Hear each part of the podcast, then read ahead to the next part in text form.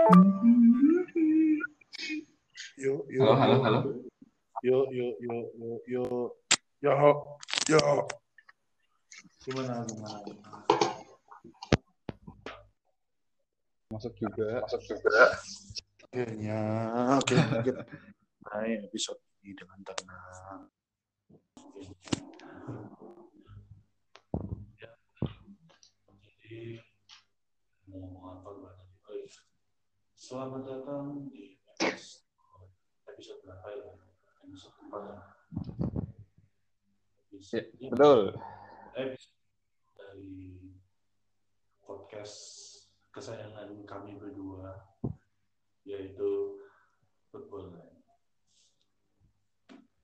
Sebelum kita masuk ke topik pembicaraan tidak ada bukan moto dan semboyan dari football Line.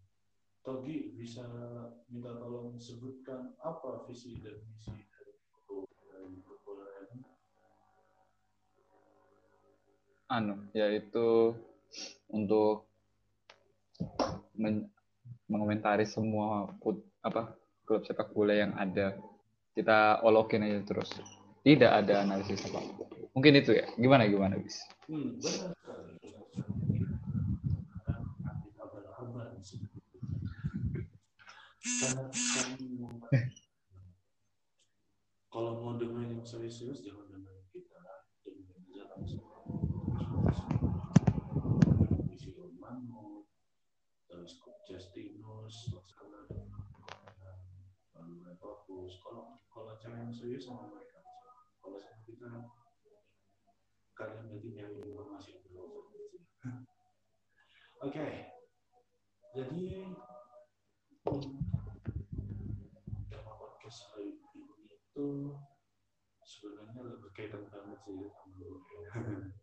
Gila, akhirnya setelah sekian puluh nama membahas, membahas satu negara yang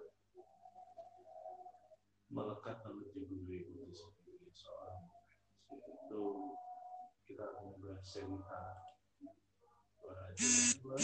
sudah menjadi suatu hal yang buat nanti-nantikan apa terus begitu cinta seri A di podcast tapi kejadian ah lu nyadar nggak sih kayak seri A sekarang itu sudah mulai ada rame lagi. Gimana gimana gimana? Eh, kamu sebagai mungkin penggemar yang mungkin jarang lihat Serie A, kamu pastinya kan merasa kalau wah A ini udah lumayan agak rame dibandingin dibandingin tiga atau empat tahun yang lalu. Kalau menurutmu kamu setuju nggak dengan pendapat itu kayak Serie A ini tiba-tiba aja jadi rame? Setelah sekian lama jadi liga yang sepi, liga bapak-bapak, liga orang-orang tua, Eh, bis bis ini sorry out of the topic tapi seriusan gak kedengeran. Serius. Makanya tadi aku bilang gimana gimana tuh seriusan susah banget aku ngedengarnya. Eh gimana gimana gimana bis. Aduh, aduh, aduh. Sorry. Ya Tuhan kejadian lagi. Ya, ya jadi gini memang ya keadaan kita kalau lagi podcast kayak gini ada aja kendala.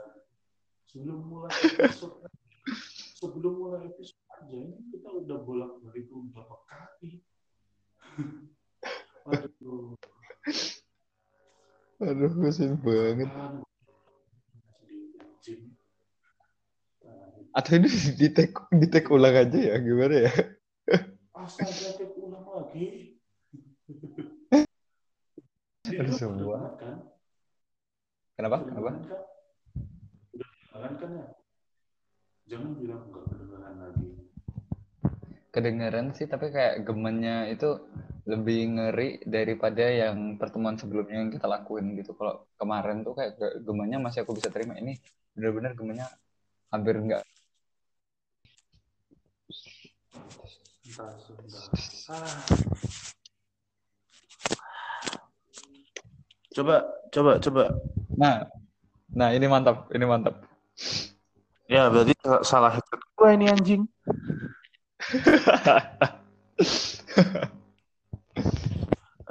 Ya udahlah. Jadi ya gue bikin kayak telepon biasa aja udah. Jadi kelihatannya headset saya ini agak trouble ya teman-teman. Jadi tau gitu ngomong kedengeran di gue. Tapi gue ngomong itu kata dia tadi gimana bergema anjing. Headset kenapa dah? Oh. Ya udahlah, nggak apa-apa. Oke, jadi aduh anjir, tadi mau tanya apa kan gue ya? Kalau nggak salah nanya Anu gitu ya, ke, apa uh, soal seri A kenapa perlu dipeduliin lagi belakangan ini gitu ya? Iya sih. Oh, bisa bisa bisa bisa gue jawab. Uh, kenapa ya? Menurutku uh, momok kenapa kita perlu nonton seri A atau enggak kenapa orang-orang sekarang mulai ke seri A sesimpel dan segampang karena ada Ronaldo sih di situ menurut menurutku juga Bapak Ganteng itu sudah menunjukkan bahwa dia punya fanbase yang luar biasa gede banget dari Real Madrid dan bahkan untuk mungkin sekitar 50 persenan uh, apa fans Real Madrid itu fansnya lebih kepada Ronaldo bukan ke timnya. Jadi menurutku juga seorang Ronaldo itu bisa ngebawa dampak yang begitu kuat dari segi finansial dan exposure ke Serie A sih.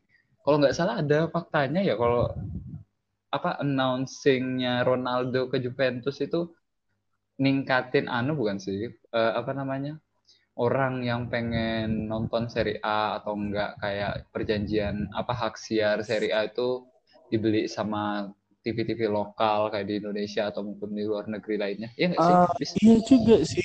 Uh, eh, BTW ini gue mencoba sekuat tenaga mendengarkan suara lu karena tanpa headset suara lu sangat pelan. ya, tapi nggak apa-apa, kedengeran banget. Kedengeran. jadi jadi menurut gue ya bener-bener banget sih kayak seri A Italia bisa segede ini sekarang serame ini ya otomatis karena Ronaldo gitu kayak Ronaldo di di kita bisa bilang ini kita memasuki penghujung karir Ronaldo kita nggak bisa tutup mata. Dia udah 35 tahun. Tahun depan udah 36 tahun gitu loh.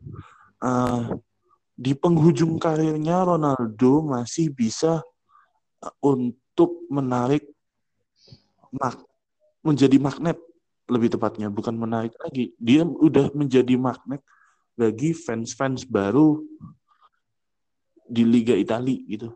Karena sebelum Ronaldo ada Liga Italia terasa membosankan ya karena Juve mereka jual apa namanya mereka Juve soalnya kelihatan sangat mendominasi terlalu apa namanya mereka mungkin yang terlalu kuat dibandingin tim-tim yang lain lalu datanglah Ronaldo dengan harapan supaya mungkin seri Arame eh dia ke Juve juga.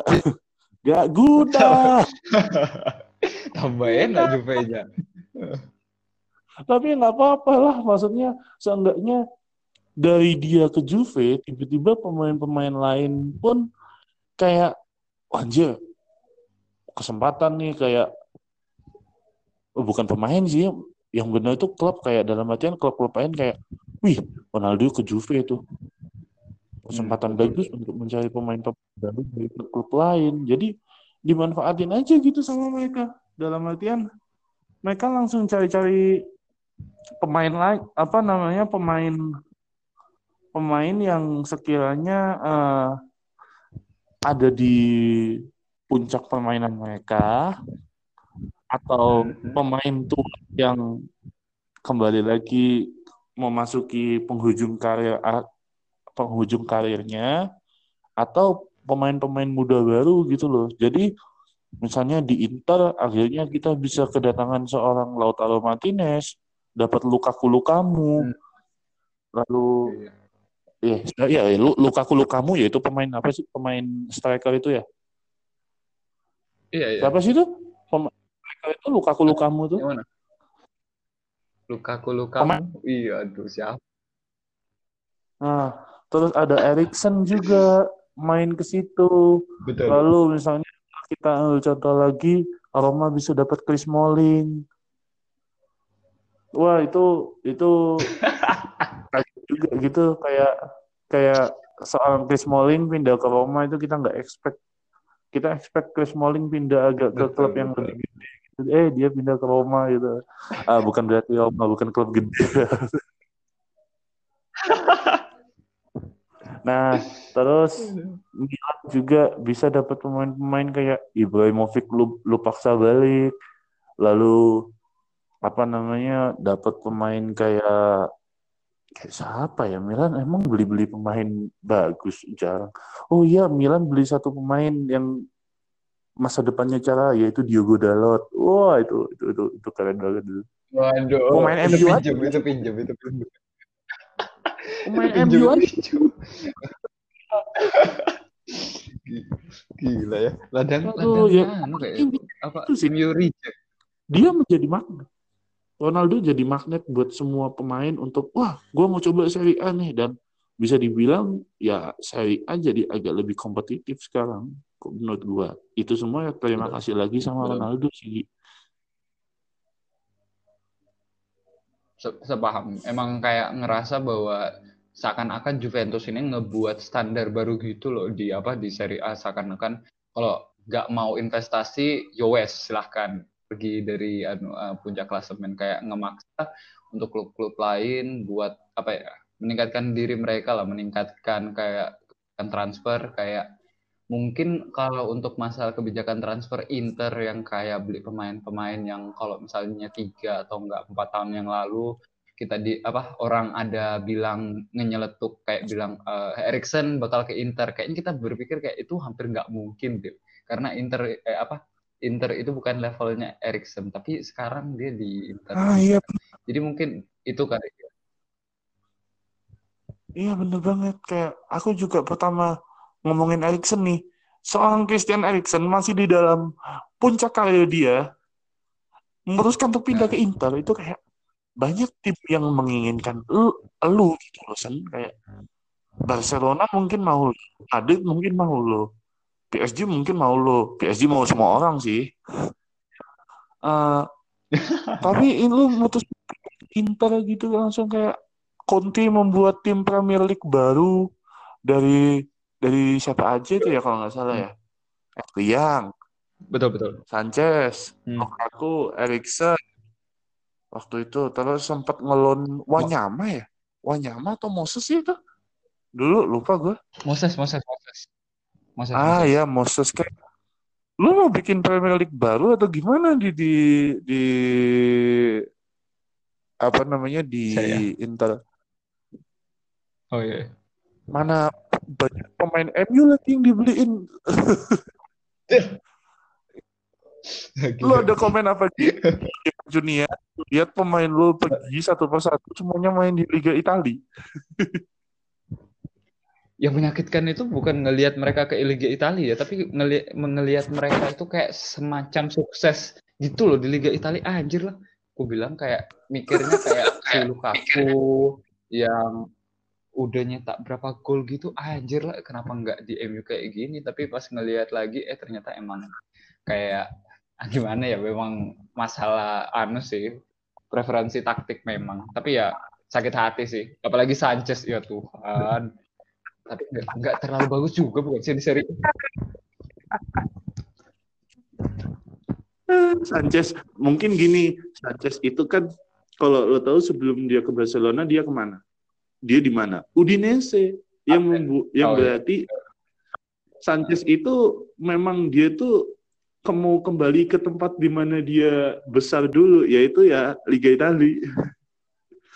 Dan Masuk, ke- masuk. kebukti dia di- dia di Italia pun juga juga bagus gitu loh bro. Maksudnya ya di katanya yang katanya orang-orang wah ini ini pemain udah nggak sebagus dulu tapi masih dia dia masih membuktikan kalau dia salah satu sayap yang bisa dibilang memiliki kualitas top lah di usianya yang masih masuk masa keemasan yaitu 31 tahun ya 31 ya eh, Ah ya, iya. ya. Ya 31 sih. Nah, ya makanya itu Sanchez bisa kayak gitu. Lukaku juga terus Ibrahimovic yang gua udah nggak nyangka dia bakal ngecetak gol lagi gitu kayak masih bisa mencetak gol dengan ca- dengan dengan bagus gitu di usia dia yang 39 tahun. Eh ya 39, iya benar banget. Nah, Iya, tapi ya ya ya itulah sekarang Serie A kayak Serie A mendadak menarik lagi. Tiba-tiba beli Akraf Hakimi, mikir apa Inter? Gua aja nggak kepikiran iya. Hakimi mau pindah ke Inter.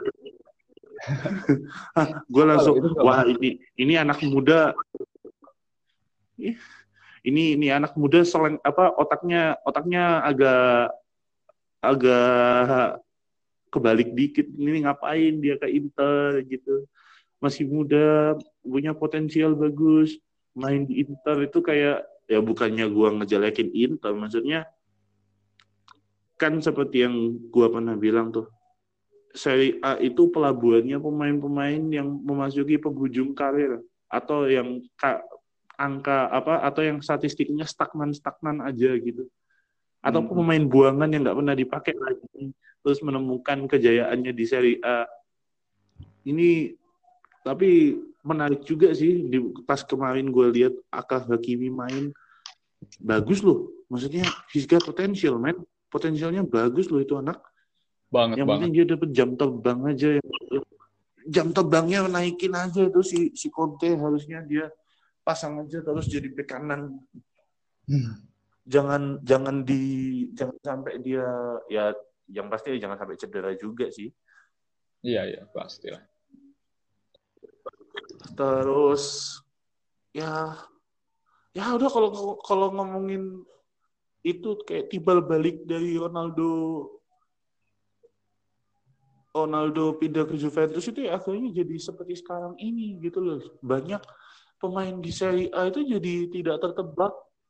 Kita kita ya, sampai nggak expect kalau ada banyak transfer kayak tadi ada banyak transfer yang terjadi di Serie A gitu. Ya ya gimana ya? Aku aku mau ngomong ini juga bingung gitu kayak kok bisa?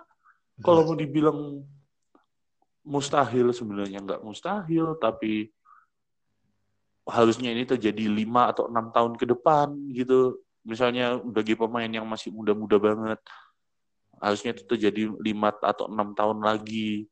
Tapi lu malah memutuskan untuk langsung main ke Liga Italia meramaikan Italia kayak kayak misalnya Juve beli Dejan Kulusevski, beli Weston McKinney, itu kan kayak itu pemain masih muda-muda banget gitu, 21, 22 tahun. Jadi ya kembali lagi siapa sih yang nggak mau main sama Ronaldo? Iya betul itu itu yang jadi utamanya. Ya. Siapa yang nggak mau main sama Ronaldo?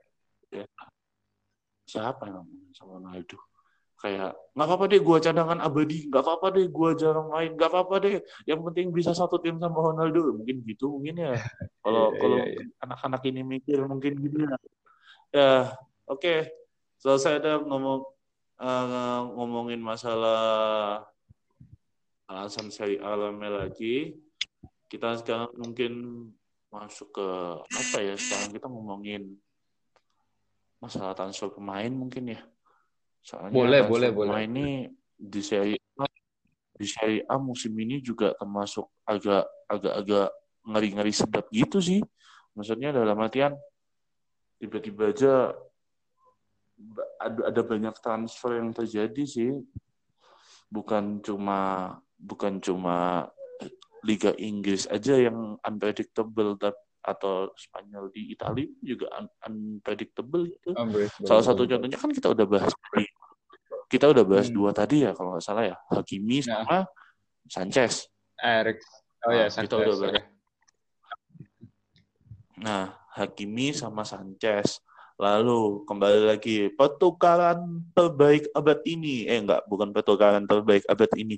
Pertukaran tergaji abad ini yang dilakukan oleh Barcelona. Arthur ditukar dengan Pian melihat kita bisa ngelihat di sini. Arthur Arthur is a good player, man. God dang it. Arthur, Arthur itu bagus loh, maksudnya dalam kualitas sebagai seorang gelandang. Menurutku apa Arthur itu ya di usianya dia yang masih 24 tahun sih masih muda gitu. Ah, Dia- betul betul. Pindah ke Juventus. Dia pindah ke Juventus secara ada pertukaran pemain lagi. Eh kalau nggak salah masih ada du ada duit berapa ya? 60 ya? 60 juta Iya plus iya ada duit. plus. Iya.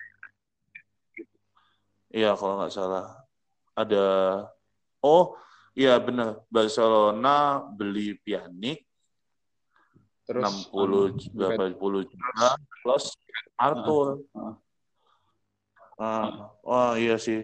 Dan menurutku ya akhirnya kayak oke, let's see how this kid because semua orang kayak bilang goblok lu nuker Arthur, Arthur is a good player and Arthur is better than Ramsey man. The fuck.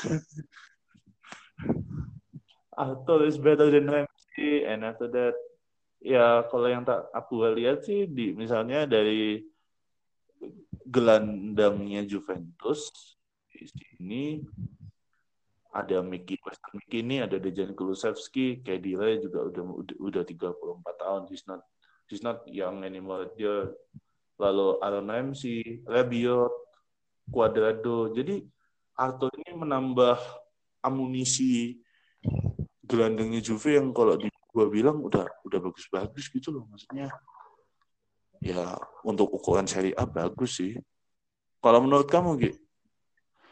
Kalau menurutku malah Arthur ini jadi gimana ya?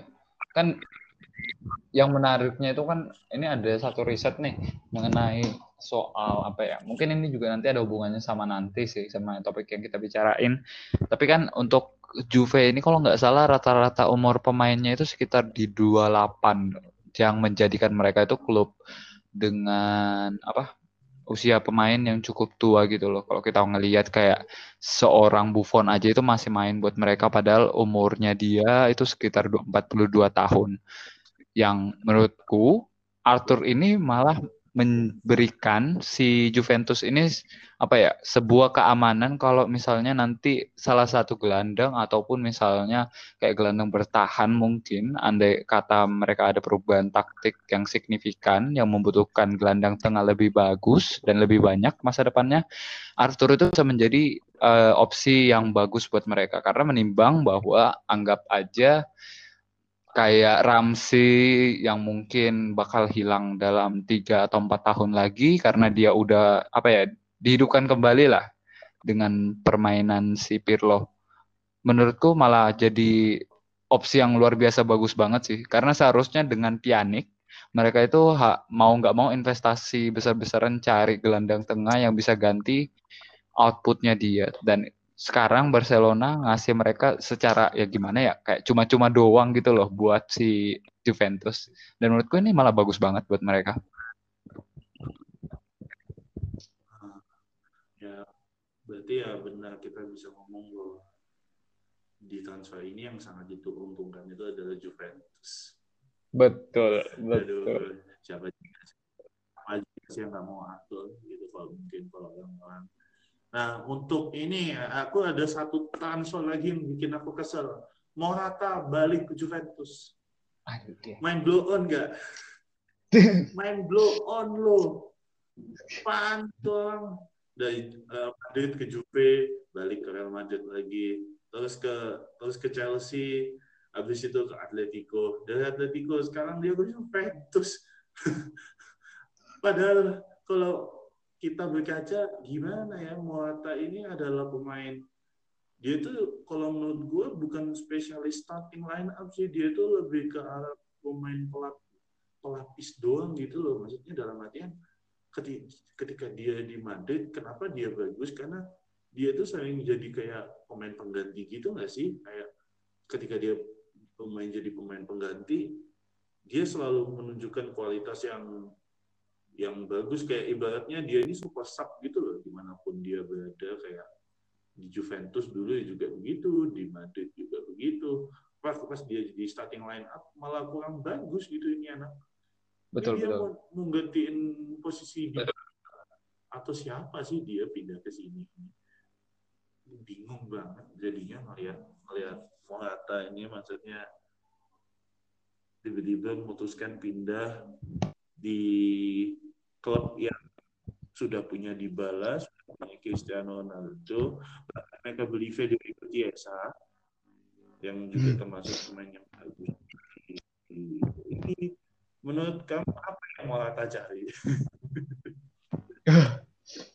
Apa yang cari ini aku juga serius bingung loh ini sama Morata soalnya ini bukannya anu ya jadi sag, transfer saga si anu si siapa? Juventus itu kan berasal dari Zeko dulu ya Zeko eh bukan dari Suarez dulu terus ke Zeko Zeko gagal karena transfernya milik kalau nggak salah ya milik dari Napoli gagal. Uh, terus tiba-tiba kayak di akhir-akhir jendela transfer gitu langsung tanpa ada berita cukup panjang Morata ke Juventus. Menurutku yang mungkin mereka cari kali ini adalah oke okay, kita nggak bisa dapat striker-striker yang dipengen oleh Pirlo, mungkin striker-striker yang apa ya striker-striker yang house goal, tapi setidaknya kayak bisa ngehadirin apa ya maksudnya bisa jadi itu loh bisa dari apa nomor 10 mereka terus nanti ke Ronaldo karena per, gue percayanya juga adalah Ronaldo masih tetap jadi apa opsi utama mereka untuk mencetak gol. Sehingga mereka nyari striker yang setidaknya bisa ngasih apa offensive output yang setidaknya walaupun nggak sebesar Ronaldo tapi setidaknya ada plus yang bisa main link up play dan juga bisa memberikan apa ya semacam leadership kalau soal penyerangan dan juga bisa ngebu ngebuka space untuk Ronaldo dan lain sebagainya. Dan menurutku di sini karena menimbang Morata juga udah pakem sama Ronaldo, seharusnya jadi lebih enak buat mereka gitu loh. Tapi kembali lagi, yang nggak masuk akalnya adalah Morata nggak bagus di Atletico. Jadi ya itu mungkin yang jadi masalahnya jahat loh kalau ngomong. Tapi gue suka sih bener. Malah kan gak bagus lihat Lutigo kita kita bisa setuju di sini lalu terus sekarang uh, kita coba melihat satu klub lagi yaitu apa ya? Jangan ngomongin Milan dulu deh ngomongin Milan lama. Ah itu dah. Uh, kita ngomongin oh silakan Napoli di sini kalau gue lihat mereka kan baru aja di Vitor, Vitor Osimhen itu ya pemain baru dari dari mana kalau Lille. salah gue lupa. Ntar Vitor Osimhen yang ya Lille Lille ya. Nah, gue tuh menyangka dia tuh bakal jadi kayak pemain pemain lapis gitu soalnya kalau lihat penyerangnya maksudnya penyerangnya Napoli ini udah banyak banget gitu loh kayak ada Osimhen, ada Milik, ada Insigne, ada Politano, ada Lozano, lalu ada Melfort, bahkan Betul, ada Lorente. Ada Lorente. Betul. aku aku dari tadi itu aku takutnya Lorente, Lorente, Lorente siapa anjir? Ternyata iya sih si Lorente, Lorente Fernando, ya ampun. Jadi kita di, bisa ngelihat di sini tuh sisi penyerangan Napoli ini udah kalau mau dibilang overload yang bisa dibilang overload, tapi jadi aku nggak menyangka bahwa Victor Osimhen ini akan mendapatkan menit bermain. Ternyata dapat dan efektivitas dia di, di, di sebagai striker pun bagus gitu loh. Dia udah dia udah dalam beberapa pertandingan kemarin empat empat pertandingan dia uh, dia udah cetak lumayan sih udah nggulin juga gitu loh maksudnya buat Napoli. Bahkan statistik dia dulu di Lille pun juga juga bagus gitu loh si Victor Osimhen ini. Gue bener-bener meragukan gitu loh ini pemain. Kalau menurutmu gimana gitu? Apa kamu nggak menyangka kalau Osimhen ini ternyata se memiliki kualitas yang sebagus itu mungkin atau menurutmu gimana gitu sebagai orang baru pertama kenal sama Victor Osimhen. Oh, enggak enggak enggak. Kebetulan Osimhen ini termasuk ke dalam salah satu pemain yang pernah aku main bareng di Football Manager, iya.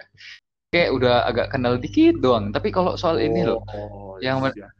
Eh, Terima kasih FM. Jangan lupa guys nonton eh, eh, apa dengerin podcast kita soal FM. Eh, put, eh, anu, eh, episode terbaik kita sih sebenarnya. Ah, sih. Oke. Eh, kalau untuk yang Osimhen ini, aku kepikiran ini loh, kayak aku kepikiran soal Gattuso ini mau bawa permainannya Napoli itu seperti apa. Soalnya di gimana ya, striker mereka misalnya menempatkan Milik sebagai tombak utamanya Napoli itu menurut si Gattuso nggak berhasil banget soalnya dirasa kayak apa ya nggak nggak seperti yang dia inginkan lah nggak bisa ngebuka space terus juga link up play sama mungkin apa Lozano terus juga sama Insigne terus sama Mertens juga nggak terlalu begitu bagus. Jadi sebenarnya bagus banget sih buat mereka menimbang yang paling utama yang menurutku yang jadi faktor kenapa dia bagus itu adalah umurnya di angka 21 terus dalam hal apa ya dalam hal ngebuka ruang itu dia jauh lebih bagus ketimbang dari milik. Karena emang dari segi postur dari segi kecepatan dia jauh lebih bagus daripada milik yang cuma kayak satu dimensi doang gitu. Jadi ya sebenarnya menarik sih buat ngeliat Osimhen tapi yang menurutku yang luar biasa lagi adalah harganya dia yang gila mahal banget untuk seorang striker. Tapi tetap aja menurutku sih worth it sih. Tapi ini gimana kalau dari kamu soal Osimhen Kalau aku sih karena aku baru tahu dia dari kayak Napoli membeli Osimhen dari dari Lille. Itu langsung kayak apakah ini pemain akan berkontribusi banyak atau enggak? Ya kembali lagi aku nggak bisa bilang dia akan berkontribusi banyak karena melihat apa namanya stok stok mereka apa namanya attacking mereka yang juga udah lumayan gitu loh. Maksudnya ada Loza seperti yang gue bilang tadi tapi gue nggak nyangka ternyata dia dia punya kualitas yang bagus. Oh iya kalau nggak salah itu sampai Osimhen ini sama Bleacher Report Football itu dia tiba-tiba ditunjukin stat FIFA-nya dan pace-nya tuh gila banget gitu loh. maksudnya dia termasuk pemain yang yang cepet woi. Maksudnya oke this this this kid is fast. Yes. Ini Mike, dia cepet banget gitu loh. Dan kebukti di usianya 22 tahun ini udah dikasih kepercayaan sama Gattuso dan ya sebenarnya still masih terlalu awal untuk bilang dia dia berhasil sih di Napoli karena baru mulai empat game juga. Tapi ya dari empat game ini lihat bahwa dia bisa berkontribusi banyak apalagi pas Napoli lawan Atalanta kemarin ya he's a good dia, dia bisa dia bisa jadi jadi bagus. Dan kita juga nggak boleh lupain Hirving Lozano juga gitu loh. Maksudnya betul he's betul. a good player man. Orang banyak meragukan orang banyak meragukan Hirving Lozano gitu loh. Karena mungkin mereka kayak ah ini pemain biasa aja. Aku pun juga pernah ngelihat dia masih dia masih umur 18 19 di di football manager. Dia masih main di klub yang sampai sekarang aku nggak tahu namanya apa soalnya ya aku nggak terlalu memperhatikan Mexican Mexican club dan tiba-tiba ngeliat dia hey dia di PSV habis itu wow dia udah di Napoli cepat sekali. Jadi dan ya I can say that you cannot sleep on this guy. Dia bisa diemin ini main. He's a good player. Ya sangat expect Napoli untuk bisa berada di posisi yang agak atas. Ya meskipun masih Napoli masih ada di peringkat 4 sekarang. Sassuolo ada di peringkat 2 siapa yang nyangka kecepatan Sassuolo bisa masuk ke peringkat peringkat kedua? Nah, kita nggak usah ngomongin peringkat satunya. Betul. Eh, betul. aduh kok jadi btw kan eh, gue gak jago nyok nyok btw ini aku ada mau nanya nih. Uh, sebelum kita lanjut, ini ada satu transfer sih yang menurutku kayak diam-diam gimana ya diam-diam nggak kepikiran terus tiba-tiba kejadian gitu aja.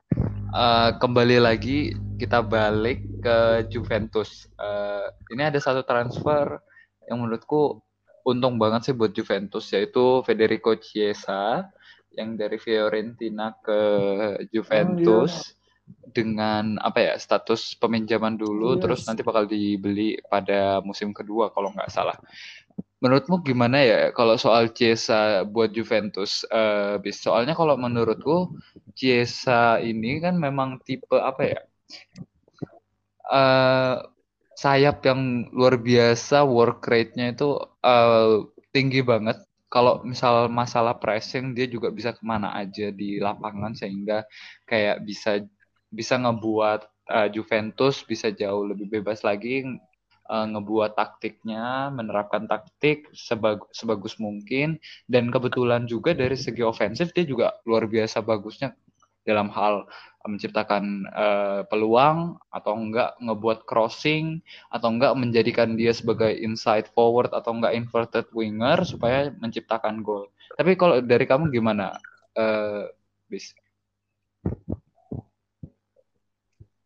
Kalau aku sebenarnya sih udah tahu Ciesa itu memiliki kualitas yang ibaratnya bisa dibilang salah satu pemain muda yang nggak boleh kamu nggak boleh kamu diemin aja. Itu ya gara-gara nggak salah udah dua musim dua musim terakhir gitu di Fiorentina.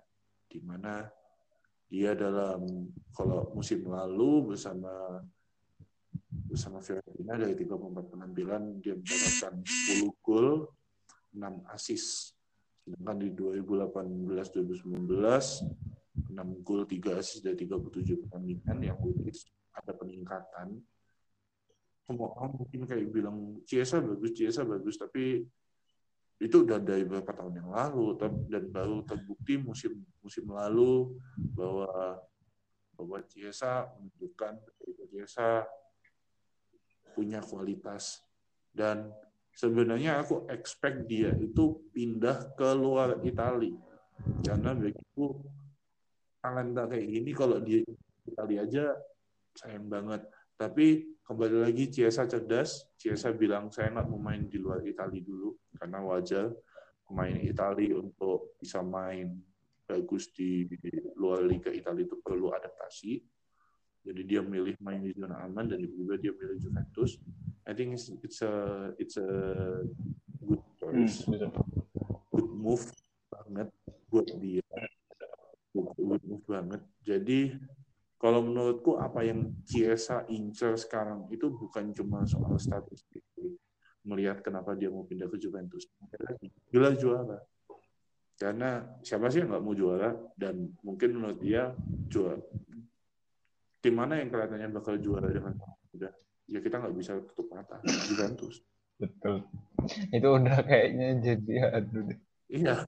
Itu ada kenyataan yang kita tidak boleh tidak boleh tidak boleh apa namanya kita tidak tidak itu udah jadi kayak rahasia umum gitu. Jadi Juventus tuh enak banget gampang juara. Aduh.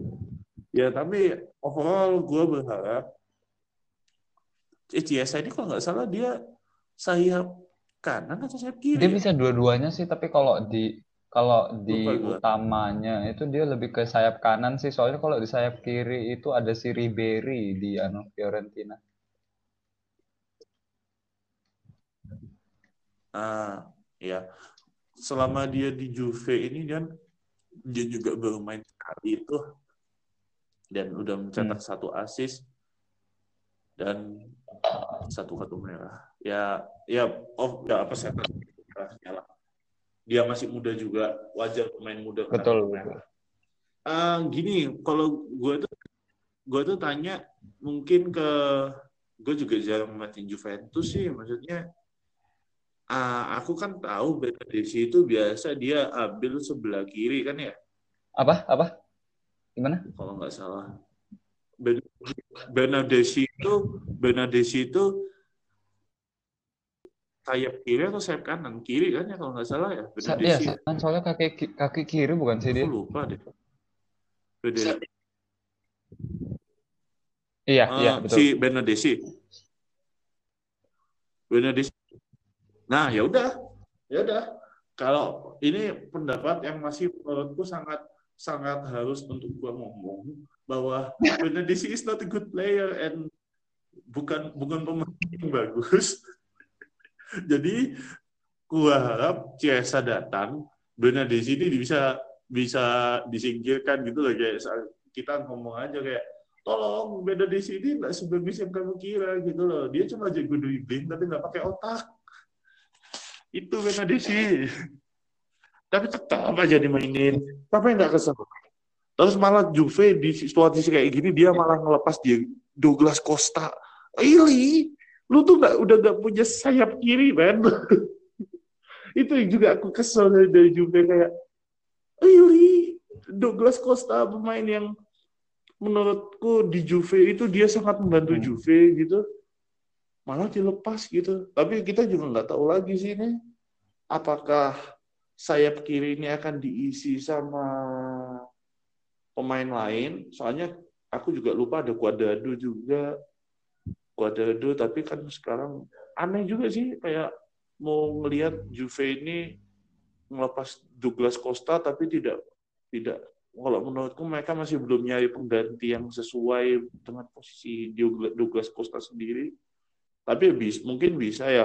Kodado tuh kalau nggak salah juga dia main di sisi kiri ya kebanyakan ya. Oh, enggak, Atau di dia sisi kanan sih? dia Ah, kiri ya? dia malah sekarang dulu ya. lebih ke anu sih, lebih ke back kanan, lebih, lebih ke back kanan soalnya eh, kalau di sebelah kiri sekarang itu si Pirlo itu lebih ngambil pemain akademi sih soalnya kayak eh, agak aneh juga untuk menaruh Dybala di situ atau enggak kayak Bernadesi soalnya input mungkin yang kepikiran oleh seorang Pirlo adalah outputnya nggak bakal sama gitu loh sama pemain eh, apa akademi.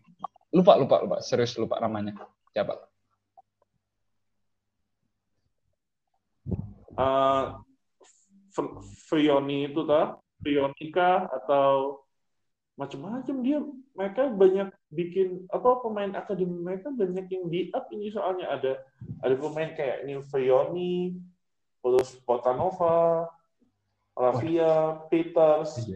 Banyak banget gitu sekarang akademi yang di di, di apa namanya di sama Pirlo. Dan ya sebenarnya itu juga bagus buat sih peremajaan gitu. Ya tapi kalau ngelihat dari skuadnya Juve sekarang gue masih apa namanya ada kok kans buat Juve supaya mereka bisa merengkuh juara Serie A lagi? Bisa. Memang di awal-awal season kelihatan bahwa Juve ini masih perlu masih perlu adaptasi dikit lagi. Tapi secara overall udah bagus gitu. Dua kali menang dua kali seri belum pernah kalah itu. I think Juve masih apa namanya berjalan di track yang betul betul. yang benar gitu lah karena materi pemain juga banyak ada pemain-pemain banyak pemain muda. Wajar banget buat mereka ada di posisi di mana mereka masih agak tengah nih peringkat lima sekarang. Jadi nggak perlu nggak perlu terlalu terburu-buru harus menang-menang-menang semua sih everything takes menurutku ya semuanya harus pakai proses. Nggak bisa sembarangan aja kita uh, lu minta menang menang menang menang menang menang. Karena kembali lagi kak usia pemainmu masih belum apa namanya kebanyakan masih banyak banget nih soalnya usia 20 21 20 21 itu ada banyak betul di Juve sekarang. Nah sekarang ngomongin pemain muda nih. Ini dari tadi yang saya hindar-hindarin saya pengen ngomong sekalian nyombong nih. Akhirnya saya akhirnya saya bisa nyombong juga masalah Milan Eh, Milan. Boleh boleh boleh. Silakan silakan. Jangan ditiup. Ini ini nih gini nih. Gue sebagai fans Milan aja gue tuh masih bingung. Gue tuh masih bingung kayak ah pemain-pemain Milan ini sama sama si Pioli, Maldini dan Elliot Group ini habis diapain? Diapain mereka dalam dalam waktu kayak waktu yang sebentar banget mereka bisa tiba-tiba menunjukkan performa yang bisa dibilang orang nggak ada pak sama Milan pak. Ya pak Milan loh pak. Maksudnya gini ya Pak Togi. Ini ini nih kalau kalau kita realistis realistis ada aja deh. Ini Milan loh Pak. Milan yang kita tahu Milan yang kita tahu 8 atau 4 atau lima tahun terakhir kayak gimana? Ya orang nggak akan expect lebih gitu sama, sama Milan gitu. Expect lebihnya sama Milan yang satunya lagi. Betul. Iya karena lebih bagus. Karena orang secara secara pemilik mereka lebih kaya Suninggup itu orang kaya kayak kayak kayak super. Itu kayaknya super banget dibandingin mungkin sama Elliot yang mungkin kalau mau dibilang nggak nggak kaya nggak yang nggak kaya tapi kembali lagi ini Milan kalau kenapa bisa seperti ini satu gue akan berterima kasih sama dua orang untuk sekarang untuk yang performa nih, kita ngomongin performa, gue akan berterima kasih sama dua orang, yaitu satu tentunya Pioli dan kedua Ibrahimovic. Udah. Pioli dia pintar memanfaatkan pemain, dia mungkin kayak udah belajar, dia itu kan juga termasuk pelatih mediocre nih. Berarti dia kan jadi pelatih mediocre, lo harus memanfaatkan pemain yang ada. Dan kelihatannya Pioli itu udah pintar untuk memanfaatkan pemain yang ada. Kayak dia ngeliat oh pemainnya Milan artinya kayak gini. Ya udah gue manfaatin aja gimana caranya supaya Milan mainnya bisa bagus. Nah habis itu kelihatan kayak tiba-tiba dia menggunakan tandem Ismail Benasser hmm. sama Frankesi lalu memberi kesempatan memberi kesempatan juga sama Leo sering lebih sering diajak bermain, lalu gimana dia memanfaatkan Rebic dan Ibrahimovic itu maksudnya siapa sih yang expect Rebic bakal segila itu kayak satu sisi Rebicnya bagus tapi dan kita nggak bisa lupa bahwa Pioli ini menerapkan sebuah sistem yang membuat si Rebic ini bisa bergerak dengan bebas gitu loh. Dia kan kebiasa, dia tuh kebiasaan menjadi kalau nggak salah apa ya bahasanya aku juga ambil lupa. Dia tuh kayak second striker atau striker gitu nggak sih si Rebic itu?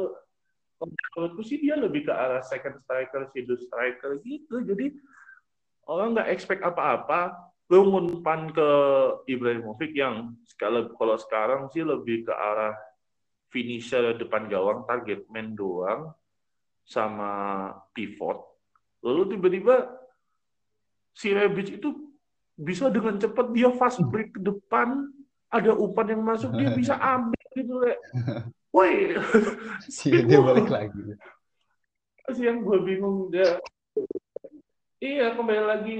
Nah terus gue juga berterima kasih sama Ibrahimovic karena Ibrahimovic ini datang, dia benar-benar datang dengan mentalitas sebagai seorang pemimpin gitu. Karena mungkin Pioli tahu Milan ini tim mainnya bagus, tapi mereka nggak punya pemimpin. Romagnoli is a good captain, tapi perlu diperlu kita memerlukan sosok pemimpin lagi. Maka dari itu Ibra datang, datang Ibra datang membawa segala pengalaman dia Lalu ibaratnya dia yang nge anak-anak muda ini salah dimarahin, di diejek-ejek, bahkan sempat berantem sama Paketa dulu kalau nggak salah. Bayangin aja nih. Tapi aku juga tetap kembali lagi, Ibra, Ibra itu punya kelas masih di usia 39 tahun. Bayangin, dua penampilan 4 gol. 4 gol.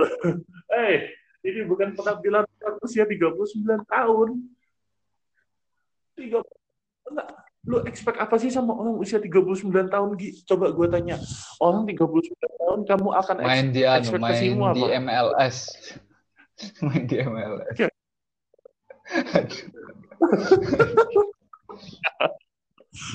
Iya. Dia udah main bener. Dia udah main MLS. Udah dapat udah dapat banyak gol. Tapi kembali lagi nih dia kayak jadi waduh dia menaklukkan COVID sampai bilang, hah COVID apa nggak ada apa-apa aja gue bisa menang dan menang. Habis itu lagi cetak gol. Ini orang dia kelas, dia datang membawa membawa kelas, dia datang pengalaman, dia datang membawa kepemimpinan dan wah bener, kelihatan kayak anak-anak muda ini benar-benar sama Ibrahimovic itu mereka dituntut kayak lo gak usah di level gua nggak tahu gimana caranya. Dan ya akhirnya terbukti gitu kayak dengan adanya Ibrahimovic mereka kayak langsung mental mereka itu seperti dilatih dan lama-lama makin kuat makin kuat untuk overview ini overview secara anu aja. Tapi kalau untuk masalah transfer gue harus terima kasih sama Gazidis. Betul. nggak bisa. Gazidis. ini orang pintar sama Maldini ini orang pintar. Ini orang pintar maksudnya kalau ngelihat mungkin ini juga mungkin sama kayak sesuai dengan apa yang Elliot mau gitu. Elliot itu mungkin kayak pengen kayak kita mungkin nggak nggak usah ngeluarin duit yang jauh-jauhan buat transfer pemain. Tapi coba deh cari pemain yang murah-murah. Ada nggak yang kualitasnya bagus? Dan nemu. Kayak kita dapat Hauge. Maksudnya siapa yang expect sih kita bakal beli Hauge dari kemarin yang habis dikalahin Milan itu? Nggak ada yang expect. Terus beli Pierre Kalulu terus mem- mempermanenkan Makers yang juga punya Hmm. anu yang bagus. Simon Kejair. Simon lalu eh, siapa lagi ya? Me- terus tiba-tiba datang dengan transfer Tonali. Itu udah cukup. Kira Tonali itu udah cukup. Kira Tonali itu udah cukup. Tiba-tiba beli kembali ada Ibrahim Diaz nah aku langsung ngapain ini anak Ibrahim Diaz ke ke Milan ini mikir apa ini udah itu belum cukup. Tiba-tiba datanglah Tata Rusano. Oh Milan ada enam ini tot- tot- total. Ada enam. Kok yang kalau yang di tim utama mungkin ada tiga. Tata Rusano dan Donnarumma bersaudara. Antonio aja nggak pernah main. Ini lu datengin Tata Rusano. Even though Tata Rusano itu good player sih in my opinion dia tuh salah satu pemain yang bagus. Dengan pengalaman juga kita juga butuh kiper-kiper kedua kiper lapis dua yang bagus. In case Donnarumma jadi cabut sama jadi cabut atau in, apa seenggaknya dia apa lagi cedera. Jangan sampai kejadian Adrian di Liverpool ulang anak nggak mau kayak gini. Tata ini diharapkan bisa jadi pelapis yang bagus tidak seperti Adrian di Liverpool itu jelek banget. Ah. Lalu yang terakhir barulah membeli Diogo Dalot saat pemain yang numpuk sama Conte dan Hmm? Calabria. Jujur aja Calabria itu gini pemain Milan itu memang masih in my opinion ya karena gue juga Milan. Mereka ini bagus-bagus tapi performa mereka itu bisa kadang tidak stabil. Ada eh, apa namanya jarang lu bisa main dengan kualitas yang sama terus sama bagusnya itu itu itu itu wajar. Karena kembali lagi mereka ini masih muda. Jarang masih harus sangat-sangat dilatih sih untuk untuk Milan ini. Maksudnya come on man. Lu itu masih 20 tahun. Makers itu masih 21 tahun. Eh, 20 tahunan. Hauge juga 20 tahunan. Brahim Diaz, Tonali lalu Benacer, Jesse Daniel Maldini lalu mereka muda men. Maksudnya aku juga makanya orang bilang wah Milan bisa juara musim ini. Aduh. Aku no bukannya aku pesimis. Nanti itu kita bahas di akhir. Tapi yang pasti di sini uh, menurutku Milan bakal melakukan satu hal yang luar biasa sih. Maksudnya ya gua kita nggak berharap muluk-muluk dulu deh. Kita nggak berharap bisa juara di Liga Italia. Nggak ada yang mulai yeah, kecil-kecil aja. Boleh, Copa Italia aja dulu. Copa Italia. Terus ini juga kalau kualifikasi Liga Champions kayak gitu hal yang kecil aja dulu mungkin yang sekarang kita harus bingung adalah kita nggak punya back tengah back tengah kita cuma Nyoli yang back Brazil itu mana? si Nyoli sama sama Kia ya dua itu nggak pernah dimainin Makers banyak jadi Conti sayap Conti kanan, Calabria kanan, Kalulu Betul. kiri. Musacchio cedera masih. Lalu Hernandez kiri. Ya, pun juga ternyata bek kanan. Aku sama seneng kayak, wah Milan di bek. Terus ngelihat Diogo Dalot, anjing, dia bek kanan. Anjing. Gak bisa. Iya, bek kanan. Diogo Dalot itu, itu memang... Satu sisi kanan tuh bisa sih. Bek kanan, bek sayap, terus ah. juga bisa jadi ge, apa gelandang sayap eh, bisa pokoknya sisi kanan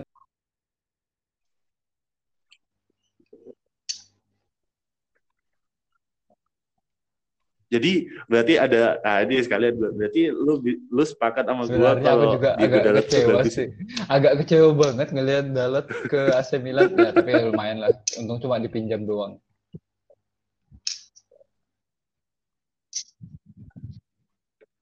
Eh, tapi kalau misalnya ada ada ada opsi permanen oh, transfer, nggak ada, nggak ada, nggak ada. Kemarin udah dikonfirmasi sama Ronald Romano. Aduh, aduh. Tapi tapi iya. Jadi kemarin ini agak membingungkan gitu loh kayak semua media menyorot Milan memang banyak beli pemain bagus, tapi mereka lupa beli back tengah karena kondisinya juga back tengah bayangin cuma ada Musakio tuh masih cedera soalnya dan Musakio tuh udah nggak sebagus itu kita harus ngomong kayak Musakio is not sudah tidak sebagus dia waktu di Villarreal jadi gua nggak expect apa-apa sama sekali nih buat si buat si Musakio Terus Buktinya aja udah jarang main gitu. Ya, dia harusnya itu udah jauh banget. Iya. Nah, ini aku juga Iya. Nah, aku mau tanya Gi, bukan kamu. Ngelihat Milan bisa ngalahin Inter kemarin setelah be, be, banyak purnama Milan itu kalah terus sampai Inter menurutmu gimana? Untuk Milan ya?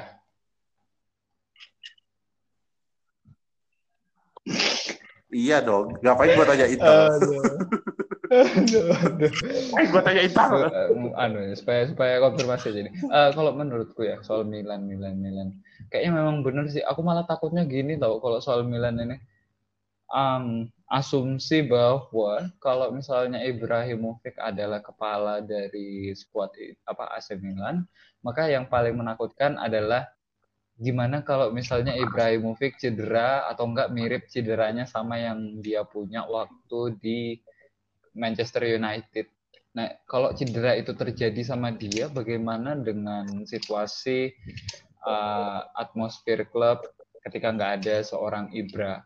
Dan itu baru satu loh dari kayak misalnya dari beberapa masalah lainnya. Kayak misalnya yang paling menakutkan adalah bisa jadi kayak yang kamu bilang bis yaitu kalau misalnya ada back tengah yang hilang anggap aja Rockmanoli hilang maka siapa yang gantiin? Apa mau nyoba back anu back akademi? Dan menurutku juga untuk AC Milan punya kasus yang berbeda sama Juventus yang di mana kalau Juventus emang terdiri dari pemain tua kebetulan mereka ini kan anu klub yang gede dan juga apa ya punya hobi beli pemain muda dari kecil da, dari umur uh, belasan eh apa 17 18 tahun. Sehingga mereka bisa taruh itu mereka di akademi mereka. Yang di mana kalau misalnya mereka butuh pemain ya mos ya silahkan aja tinggal diambil diambil dipanggil doang gitu loh. Dan menurutku itu yang nggak dipunya Milan. Tapi yang yang menurutku lebih menakutkan lagi Iya. adalah aku lebih takut kalau misalnya Benacer, Benacer itu benar-benar menurutku yang menjadi kenapa Milan agak lebih susah ditembus atau enggak apa Milan lebih bagus dalam hal menyerang mungkin bisa dibagi jadi kayak berapa ya tiga orang gitu kali ya Eh, Ibra, Theo Hernandez, terus tambah Benacer di tengah. Karena menurutku Benacer itu no brainer banget lah buat Pioli. Nah. Nah. Nah. Ya, betul. Itu. Gue setuju. Sangat setuju. Benar banget. Kayak, ya, betul. Dan rumornya, nah ini juga benar satu ada satu hal lagi. Transfer Tonali ini sebenarnya membahayakan Benacer dan Casey. Karena Benacer dan Casey sudah menemukan chemistry yang sangat kuat gitu loh. Benacer menjadi supplier bola, Casey dengan stamina kudanya dan badannya yang kayak beton itu itu udah cukup cukup bagus. Apalagi dia juga juga salah satu gelandang bertahan yang menurutku punya potensial yang besar. Usia masih 23 tahun. Itu makanya yang aku takutkan sebenarnya dari transfer Tonali. Aku pertama pikir oh, Iya bener. kita dapat Tonali yay. Terus gimana gimana caranya kamu main di saat Benacer dan Kessie lagi bagus-bagusnya. Gue harus bilang lagi bagus-bagusnya itu dua anak. Apakah Tonali akan bermain bagus? Nah, maksudnya dengan sebagai pemain pelapis dengan keadaan dia tuh di Brescia juga salah satu start sering jadi Bres- starter. Eh dia tuh Brescia atau Spal ya? Brescia ya? Si Tonali ya? Brescia ya, Brescia dia jadi salah satu starter gitu loh dalam artian apakah dia Tonali ini bisa gitu loh dalam artian menggeser posisi Benacer dan dan menurut gua kalau misalnya posisi Benacer atau Kessie terancam sama Tonali gawat. Karena ya kembali lagi Betul. dan Benacer sudah menemukan chemistry gitu menurut gua. Dan Benacer ya aku juga harus bilang Benacer ini jangan sampai pindah lah kalau sampai Benacer pindah ke Real Madrid ya Ya, tapi sebenarnya kalau mau dilihat karakteristik Benacer dan Tonali ini memang hampir sama sih. Iya. Mereka berdua ini kayak Pirlo, kayak Pirlo nggak sih menurut lu? Atau kayak lu melihat Pirlo yang baru di di, di dua orang ini Benacer dan Tonali? Kalau menurut gua sih, gua kayak melihat dia kayak melihat Pirlo yang baru sih di sosok mereka berdua di mana lu tuh bener-bener jadi supplier serangan banget. Nggak harus bola-bola atas, tapi bola-bola bawahnya itu juga lagi bagus memang memang bagus gitu Tonali gue harus akuin ya dia juga salah satu pemain dengan umpan yang baik juga ah lu gara-gara kamu ngingetin itu gue jadi gue Kayak- jadi kayaknya udah pasti deh. Kalau misalnya ini, si gimana. Benacer ini kayaknya kemungkinan besar tahun depan atau enggak dua tahun lagi nggak bakal ada di Milan. Soalnya aku kepikir, gue kepikiran juga soal si Tonali ini kayaknya lebih kepada backupnya mereka berdua sih. Soalnya output yang mereka berikan itu nggak bisa diganggu gugat luar biasa. Nggak.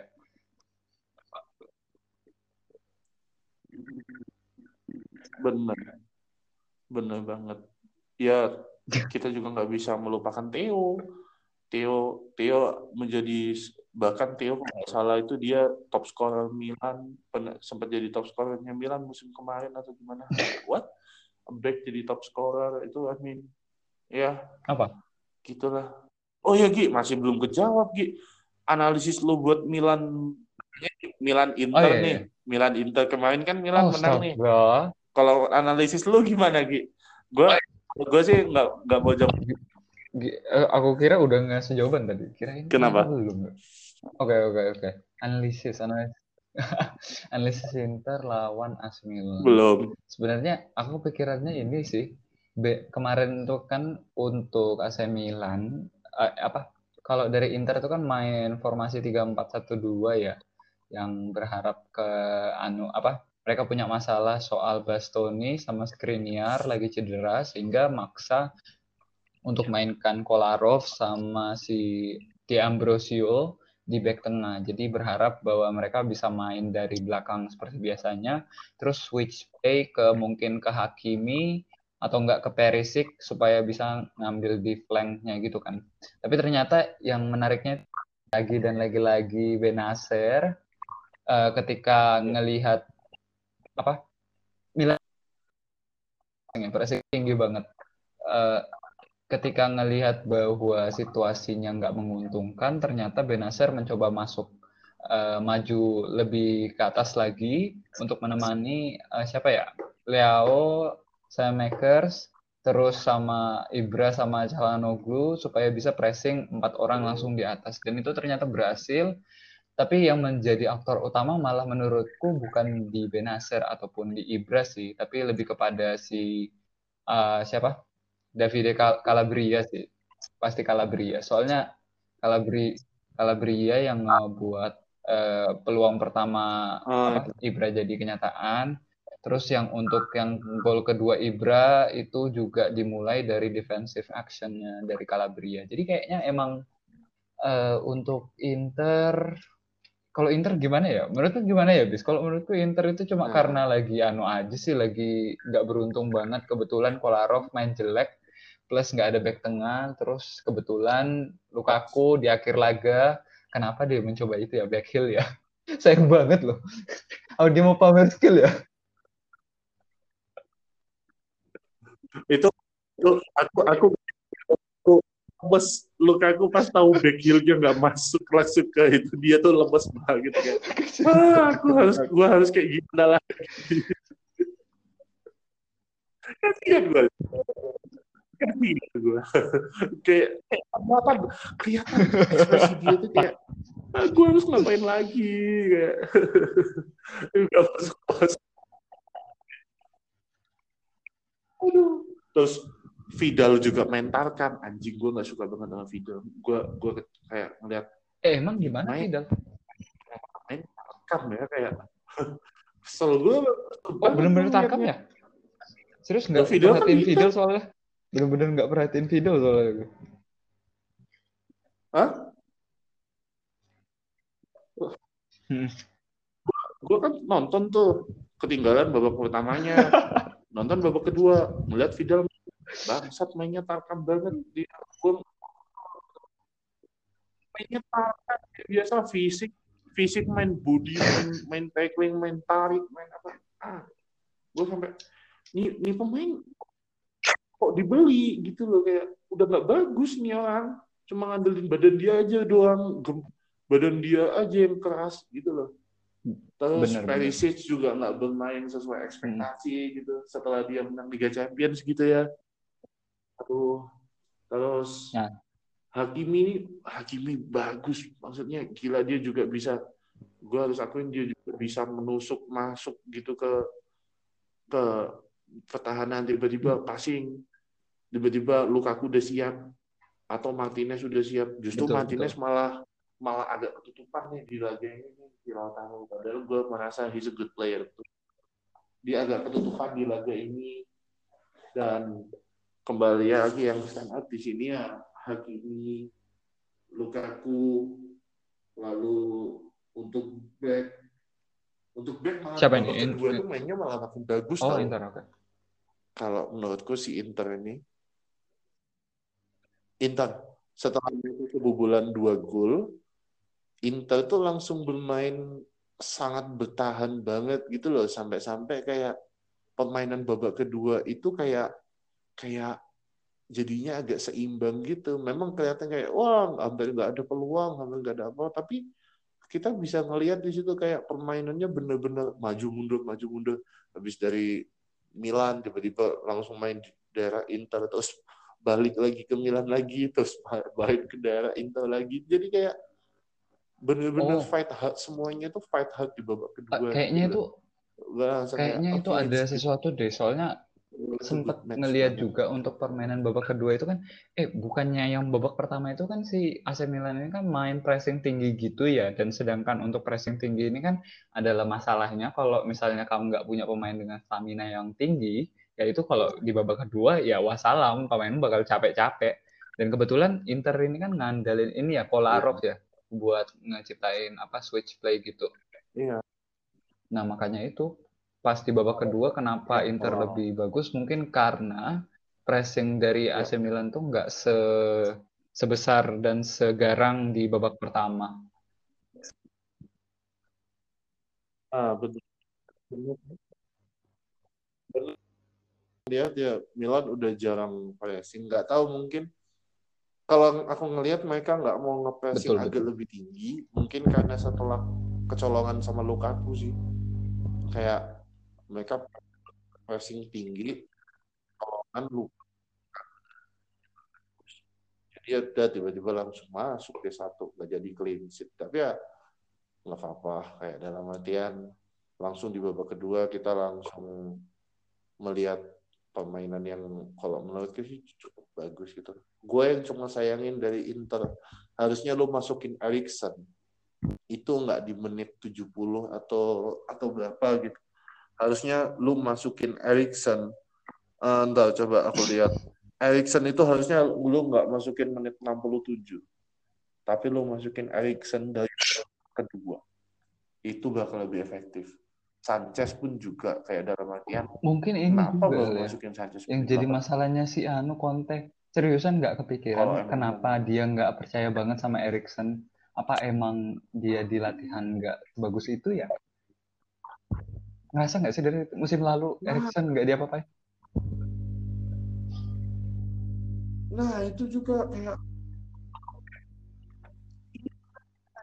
Erikson cuma beberapa pas dua pas di dalam Madonina musim kemarin. Erikson mainnya bagus boy. Erikson is a good player. Kamu itu kayak ya baru dimasukin menit 67 gantiin siapa? Gantiin Brozovic. I think itu banget. Bayangin ini kita ngomong Erikson salah apa yang bagus di dia? Passing dia bagus baca permainan dia bagus set piece dia bagus shooting low juga bagus crossingnya ya, dia juga bagus. Maksudnya dia punya kemampuan sebagai seorang attacking midfielder yang bagus juga gitu loh kayak. Tapi lo memutuskan untuk menahan dia sampai menit 67 baru lo masukin. Ini yang aku juga bingung dari Conte. Aku nggak tahu harusnya kan aku dukung Milan ya tapi ngelihat ngelihat ngelihat ada suatu hal yang bodoh kayak gini gue kesel gitu loh kayak hah lu pasti berpikir sama kan Gi? kayak pemain sekelas Erikson gak dikasih kepercayaan sama Conte gitu Pasti iya, aku pikir aja Come on, gitu. man. Ini Erikson Erikson yang sering buat asis-asis nggak masuk di pikiran gitu. Seharusnya itu jadi apa ya? Jadi pelengkap. Iya iya benar benar banget Wah. maksudnya meskipun gua kesel Erikson nggak masuk Sanchez juga telat masuk Boleh, boleh, boleh, boleh. Itu boleh, itu boleh. belum kalah loh Gi. belum kalah loh wow semangat gua kalau kayak gini ini ada di sini musuh Roma kita menang ya Roma Roma Roma itu lagi Roma itu lagi ngevlog ngejualin banyak pemain tapi mereka nggak beli beli pemain jadi beli pemainnya cuma dikit jadi ya udah. Bayangin aja ngelepas aku ngeliat ngeliat Roma tuh gue langsung goblok. Gue cuma bilang gitu doang goblok ini Roma kesel banget gue Justin Kluivert di loan Pellegrini di, di, dilepas terus waduh aku langsung kayak waduh ini ini Roma mikir apa? Coba mereka juga nggak nggak nggak nggak ngupgrade kiper mereka. Aku harus bilang Paul Lopez itu masih tidak seternyata itu pemain yang susu aja lah maksudku dalam artian ngomongin Roma. Terus back mereka juga kayak uh, Dennis Under dilepas itu udah goblok aku langsung kayak aduh Dennis Under Dennis Under tuh bagus tuh dan akhirnya di Leicester akhirnya Cengiz Under juga juga bisa main Iya. itu bagus lo malah masih mempertahankan kayak Federico Fazio Iya Spinazzola itu kenapa bisa Juan Hedo, Spinazzola, Spinazzola, man, we're talking. Terus di tengah, di tengah pemain mereka ya lumayan sih kalau kalau kalau tengah itu kalau tengah lumayan bagus sih dalam artian kayak masih ada Cristante, masih ada Pastore, ada Pellegrini. lalu Zaniolo, Mkhitaryan, Miki, Mkhitaryan, terus di di, di ah, ah. lalu ya Pellegrini. Yang mana yang mana? Gue bingung Pellegrini yang dilepas itu Pellegrini? Ada kan kalau nggak salah yang dilepas itu yang dilepas itu siapa sih? Gue lupa kemarin kayak Roma itu menjual pemain yang Lo- Lorenzo atau Manuel atau siapa ya yang mereka lepas itu kayak pokoknya gampang lah itu. Tapi mereka di sini di di di, teng, di depan mereka beli Borja Mayoral dari Real Madrid. Sama mereka dapat Pedro tapi ya udah gitu doang. Kluivert itu shock gue langsung kayak hah? Lu ngelepas Kluivert really? Kayak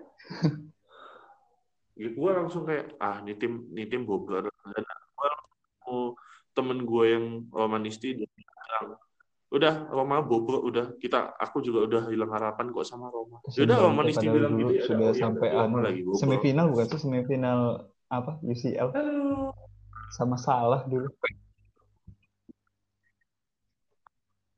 Iya loh, iya loh, kayak kayak gini loh. Aku keselnya sama Roma ini. Mereka tidak mem- me- mencoba untuk mempertahankan pemain-pemain mereka gitu loh.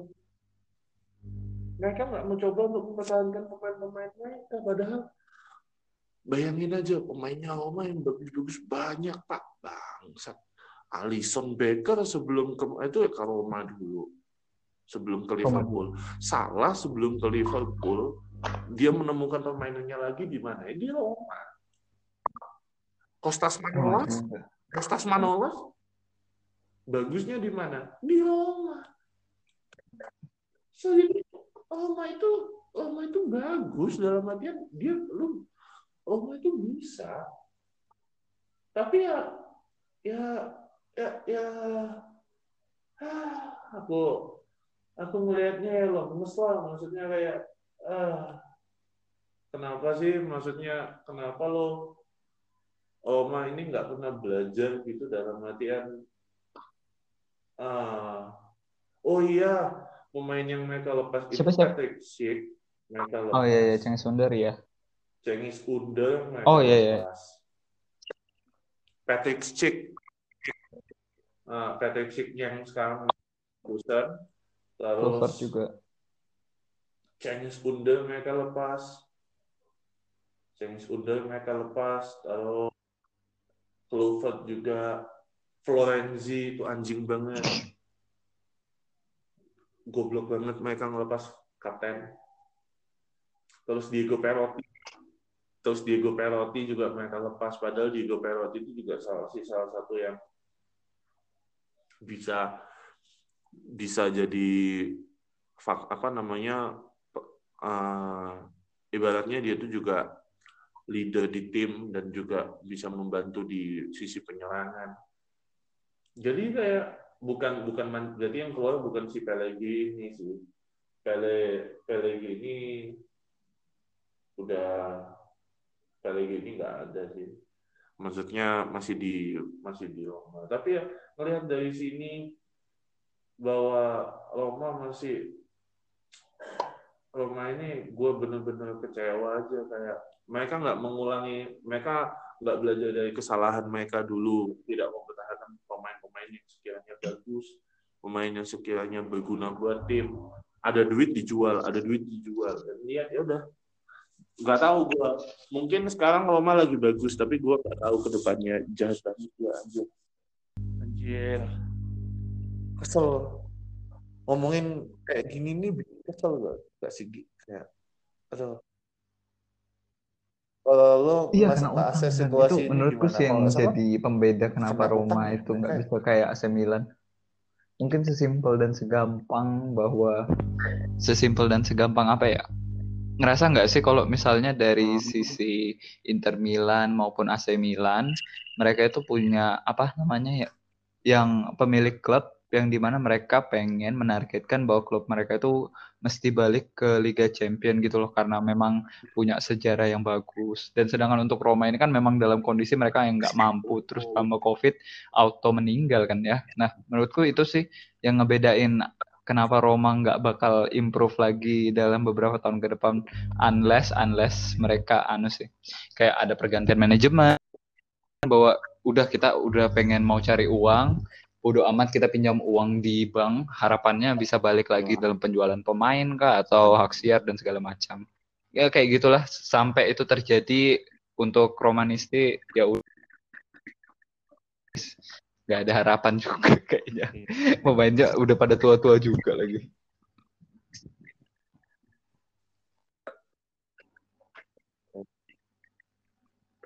Iya, pemain mereka juga udah tua-tua. Gua kira Inter doang yang pemainnya banyak yang tua atau Juve ya. Ternyata Roma pemain yang gitu. Pastore, Mkhitaryan itu udah nggak sebagus. eh ta- Kita harus bilang mereka udah nggak sebagus. Tapi sempat kepikiran loh ya kalau emang usia mereka juga. gini eh, balik ke Juventus ya. Kalau emang mereka pengen striker yang haus gol terus pengen cari striker yang apa namanya yang bisa memberikan mereka ke- kesempatan buat apa sampai ke semifinal Liga Champion atau enggak ke final Liga Champion dan juga pengen cari striker yang tua aku pikiran satu nama loh namanya itu Fabio Quagliarella kenapa ambil itu aja sudah sekalian kalau pengen tua-tua aja sekalian gitu kalau nggak salah aja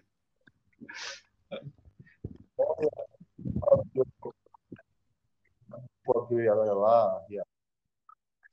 Iya. Jadi aku kemarin keinget Guardiola ini keinget Luca Toni di penghujung karir. Luca Toni pas main di Hellas Verona tiba-tiba mendadak mendadak satu atau dua musim terakhir dia dia mendadak gila.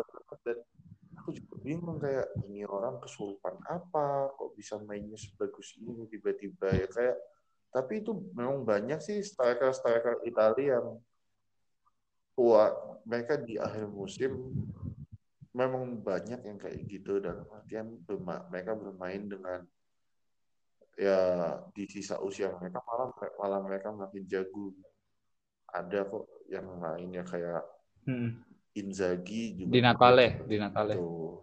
terus aduh. Di Natale di Anto, ya Toto di Natale juga seperti itu gitu di penghujung karir dia dia malah masih bisa give give more gitu dia memberikan lebih banyak lagi buat tim dia. Ya kalau menurut gue apa Hmm, ya, tap- bukan mungkin berarti bisa kita asumsikan bahwa Guardiola. kayak gini kali ya Serie A itu lebih cocok dibilang panti jompo Juventus beli Quagliarella bisa jadi panti jompo loh mereka itu anjir gila tua banget Iya. Iya. Iya. Kalau makanya itu juga kayak gue bilang seperti yang kamu bilang di di episode 2 atau episode 3 bahwa Liga Italia itu versi kerennya MLS dan gue sangat setuju akan hal itu. Benar. Benar. Gue gue coba ketawa aja kan kayak yang misalnya kemarin di apa namanya tapi yang membedakan adalah mungkin Liga Italia itu kualitasnya masih bagus-bagus untuk pemain tua jadi, jadi mereka juga masih bisa berkompetisi lebih. Kalau di MLS lu benar-benar jadi bintang udah di sana. Lu jadi Iya, bintang. cari tahu gara-gara ada masalah internal juga Mungkin bukan sih jadi ya. bintang di di MLS tuh dicari tahu. Sama dia ngikuti apa gitu temannya dia. Aduh. Gila 10 game dia cuma cetak satu gol di LA Galaxy di MLS wah udahlah selesai udah. Kayak dia selesai. Gue harus bilang kayak gitu. Ya kembali lagi kayak ya kembali lagi ke Itali. Sebenarnya gue sebenarnya nggak suka kalau Itali terus-terusan jadi panti jumbo. Harusnya Itali menjadi tempat buat pemain-pemain muda untuk latihan. Nah itu gue lebih setuju. Dalam artian banyakin aja anak-anak muda main di situ. Lu bisa nemuin yang berkualitas kok.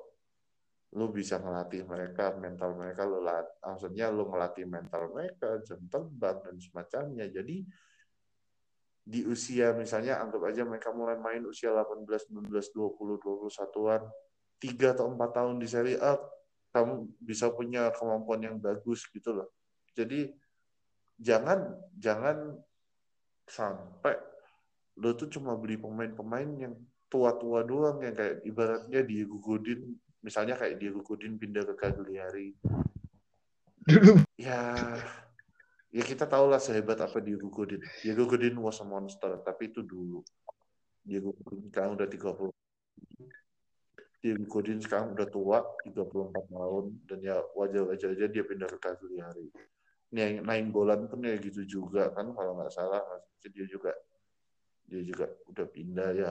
Naing Bolan udah nggak sebagus, bukan nggak sebagus dulu dalam artian ya semua pemain memang ada masanya, tapi jangan jangan sampai Italia ini ya isinya pemain-pemain yang masanya udah mau selesai kayak gitu ya. Betul.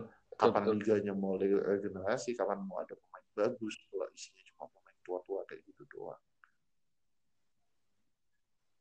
Kapan Juventus mau juara Liga Champion kalau gitu?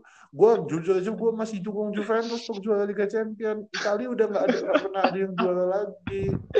Gue nggak mengakui kemenangan Susah, susah itu, ya. Gua nggak Bener-bener susah. Ngelihat- ngelihat PSG yang udah nggak kayak dulu lagi beli sembarang-sembarang sekarang lebih kepada pemain muda plus murah terus ngelihat Barcelona yang wah luar biasa ternyata berhasil anu percobaan mereka terus aduh Liga Inggris yang luar biasa fluktuatif terus dinamis banget ya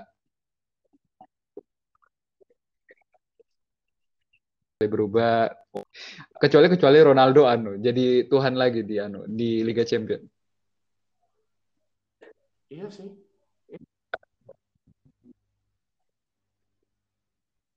iya Nah, ya. iya sih.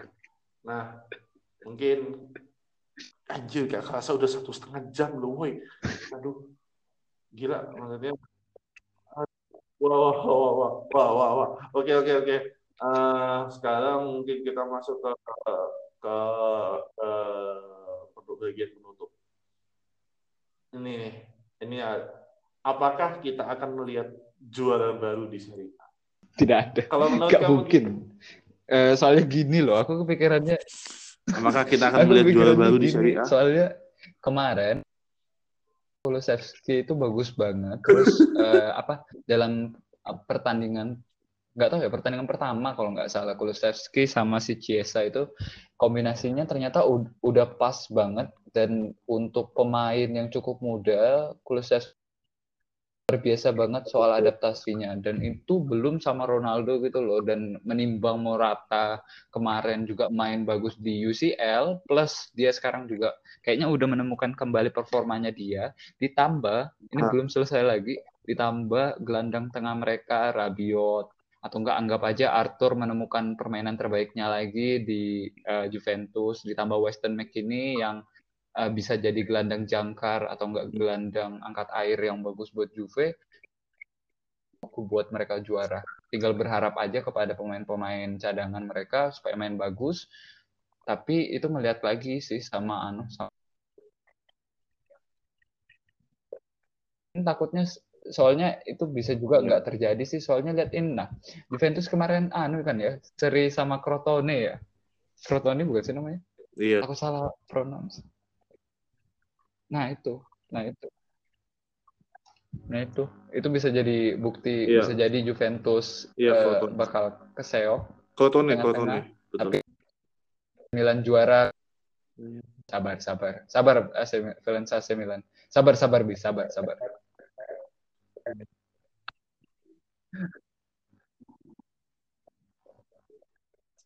Enggak, enggak, enggak, enggak, enggak. Gini, gue beda sama fans Milan yang lain. Fans Milan yang lain mungkin bilang kita bisa juara, kita bisa juara. Ada yang bilang kayak gitu. Kalau kalau gue, gue bilang ngimpi, bukan dalam artian bukan ngimpi sih salah. Gue gua koreksi lagi kecepatan masih. Sabar, semua tuh butuh proses. Kayak kayak lu nggak bisa expect pemain-pemain muda ini yang masih sangat-sangat belia untuk langsung ngepush mereka juara liga. Belum, belum. Sabar, sabar. Atalanta seperti itu. Apakah Atalanta bisa? Belum. Belum. Atalanta potensi. Mereka juga belum. Mereka juga sabar. Sabar. Karena Sepaham. kita harus bilang, kita nggak usah ju- kita jujur-jujuran aja. Atalanta tuh timnya mediocre. Masih banyak pemain yang mediocre. Misalnya kita ambil contoh dari Atalanta. Pemainnya masih banyak yang mediocre. Ditambah Josip Ilicic juga masih masih depresi gara-gara gara-gara istrinya selingkuh ya jadi kita nggak bisa expect ngelihat ngelihat Josip Ilicic main lagi karena dia masih dalam depresi berat. Itu juga salah satu alasan kenapa Atalanta menurun. Mereka juga kurang punya striker yang striker mereka kan masih kehilangan Ilicic. Ya kita anggap contoh aja dari situ Atalanta aja mencoba dan mereka belum bisa. Mila, padahal pemain mereka juga usianya banyak yang pas secara usia. Tapi kembali lagi, ini tim yang, tim yang mediocre. Kurang bagus lah dalam artian pemain mereka masih banyak yang kurang bagus. Ini Milan bisa juara benar, tapi juara Coppa Italia. Itu dulu aja, itu dulu. Kalau mau push Liga Eropa silahkan, silahkan. Tapi gue ekspektasi mungkin bisa kalau bi- Milan masuk 16 besar aja udah bagus. Atau quarter final itu udah bagus. Europa League. Kita ngomongin Europa League itu aja udah bagus. Karena ya kembali lagi mereka ini masih muda-muda. Iya, iya, iya. Justo, justo nih. eh, dari tadi kan gue Tapi itu masuk akal sih, masuk akal. dulu, ya. Gue ada pikiran kalau Inter mungkin bisa jadi juara lagi. Aduh, iya sih, jadi gue di sini ngomong bukan Inter bisa juara lagi, bu, karena gue realistis aja gitu. Lihat kualitas pemainnya Inter sama Juve, nggak kalah jauh Masuk, kalah masuk. jauh. Malah gue harus bilang kelihatannya Inter juga lebih sama bagusnya deh. Sama sama sama juga bagus. Dalam dalam hal pemain mereka bagus. Nah, bayangkan apa namanya kalau misalnya kemarin transfer Suarez kejadian kita akan melihat Inter yang seperti apa kita nggak tahu Kayak gua gua pasti bil- bilang kebukti kok pas lawan pas di Suarez di Atletico Madrid.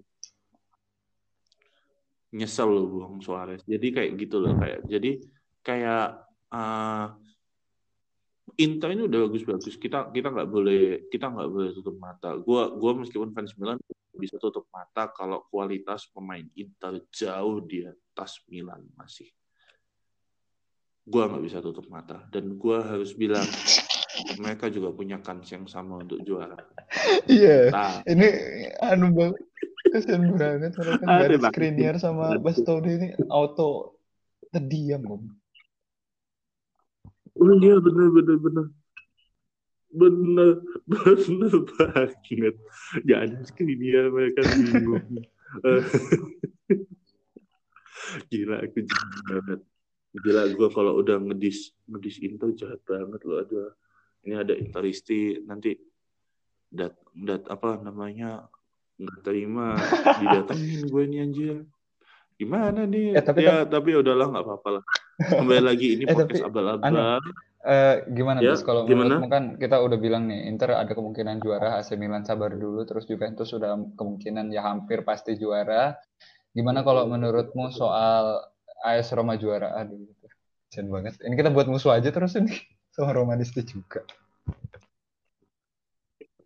AS Roma juara AS Roma juara AS Roma juara, AS Roma juara itu itu kayak mimpi kapan mimpi kemarin sore ya. Kasian banget sumpah kasian. AS Roma. Eh Lazio. itu mimpi kemarin sore. Kalau kalau Lazio mungkin masih bisa. Lazio juga bagus, tapi tapi Lazio kayak kayak nggak tahu nggak tahu juga sih ya Lazio ya maksudnya performa mereka juga inkonsisten. Abis menang kalah dikalahin Hmm, Sampdoria tiga kosong. Iya, itu nggak masuk tiga satu. Ya kuncinya ibaratnya kan kita udah di akhir kuncinya Lazio itu cuma di Milinkovic Savic sama sama sama si siapa Oh, iya, Immobile, iya. Immobile doang. Itu kuncinya mereka berdua kalau mereka berdua terus bisa main bagus itu bisa main bagus. Napoli gua Iya sih. melupakan Napoli. Napoli juga bisa sih sebenarnya. Napoli itu jualnya juga bisa dibilang mereka tuh konsisten.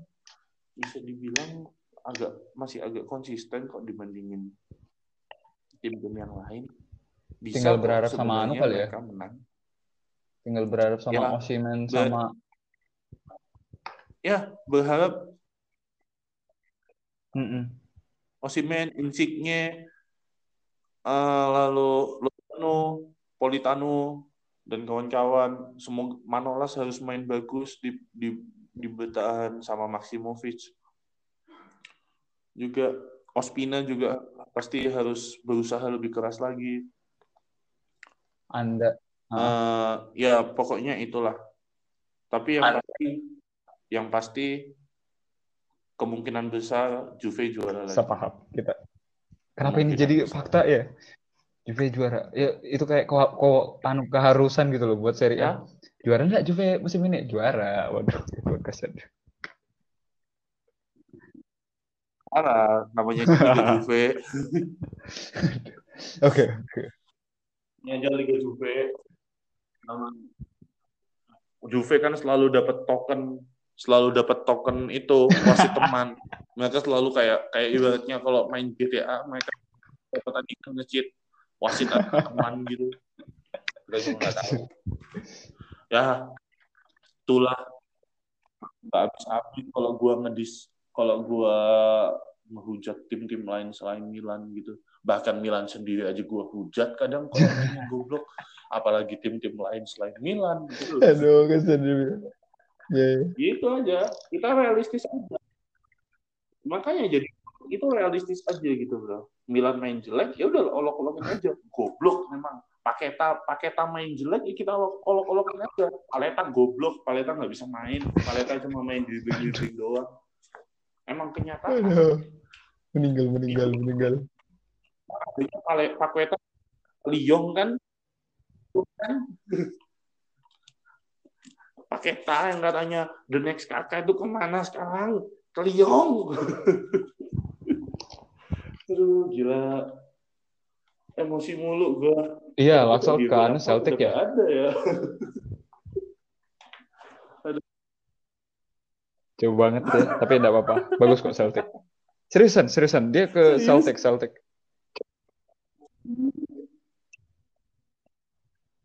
oke press F for respect F, F, pencet F. F untuk respect Kasihan Laksal. F. Kasihan banget Diego Laksal tuh jarang. Jarang dimainin. Kalinya dimainin nggak main bagus. Di loan kan ke, ke tim lain. Biasa aja. Itu ini gue ya kadang gue bisa fair tapi kalau kalau lu bilang ada temen gue yang bilang kayak my mouth spits fire. Jadi jadi ya ya udah. Siap ini gue kalau udah ngedisin tim lain bagi gue kalau memang main lu jelek gue akan fair aja main lu jelek. Tapi kalau lu bagus gue akan fair fairan aja. Bagus. Juve Inter main bagus ya gue aware. Dan gue salut akan hal itu tapi ketika mereka kalah sama Milan siap-siap aja gue ngebully lu tujuh turunan. Udah. Apaan kalah empat dua apaan tim sekelas Juve kalah empat dua sama Milan tuh? Aduh, aduh. mimpi apa lo kemarin? Aduh ya udahlah. Gila. Jadi gila. Maksudnya langsung ngomongin seri A ini beban gua perasaan gue sebagai fans Milan itu kayak langsung langsung tersampaikan tersalurkan gitu nggak sih? Kayak gue merasa kayak ya ini adalah yang buat betul, gue untuk berkeluh kesah untuk menghancurkan tim-tim untuk untuk ngedis untuk menghujat tim-tim yang selama ini jadi rivalnya Milan. Apalagi Inter tuh. Pemilik lu kan kaya tuh bikin stadion sendiri aja nama kesel gue anjing berbagi stadion sama orang tidak dikenal sama klub rival itu nggak enak. Ya sama kayak lihat Roma Roma bagi-bagi bagi stadion sama Lazio di Olimpico nggak enak kan? Nggak enak. Ya udah ya Suning Group ini kan kaya. Suning Group ini kan kaya. Apa susahnya sih bikin stadion gitu? Utang berapa gitu. Aduh, kayaknya gak sesimpel itu, tapi boleh lah.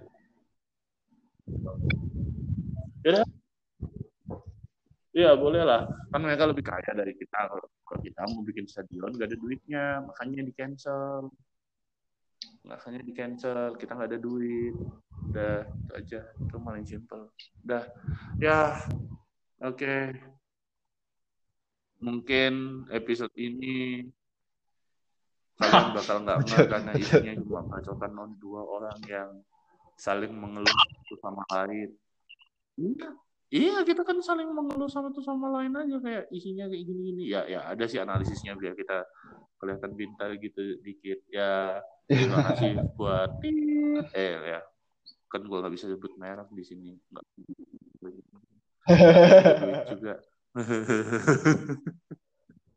Selalu permasalahan awal permasalahan awal kita adalah kita perlu menguangkan podcast ini dan gue masih nggak tahu caranya